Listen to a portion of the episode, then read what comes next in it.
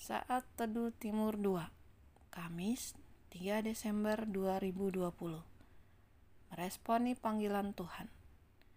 Efesus 4 ayat 1 Sebab itu aku menasihatkan kamu, aku, orang yang dipenjarakan karena Tuhan, supaya hidupmu sebagai orang-orang yang telah dipanggil berpadanan dengan panggilan itu. Paulus adalah seorang yang meresponi panggilan Tuhan.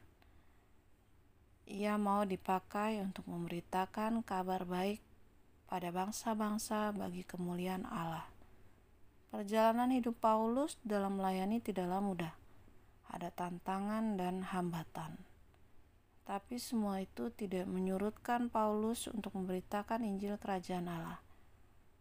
Paulus menyadari bahwa hidupnya adalah untuk Tuhan sekalipun di penjara, dianiaya, tidak menyurutkan dirinya untuk memberitakan kabar baik Allah.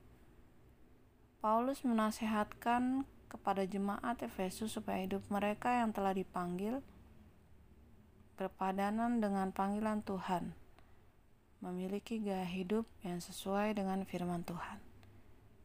Demikian kita juga bisa belajar dari Paulus, kalau hidup kita haruslah memberitakan kabar keselamatan yang dari Allah. Jika Tuhan sudah panggil hidup kita, hendaknya kita tetaplah menjadi pembawa kabar baik Allah di mana pun kita berada. Tetap menjadi saksi-saksi Kristus, hidup di dalam Kristus di tempat pekerjaan, sekolah, kampus, keluarga, dan lingkungan di mana kita berada. Selamat menikmati hari baru. Tuhan Yesus memberkati.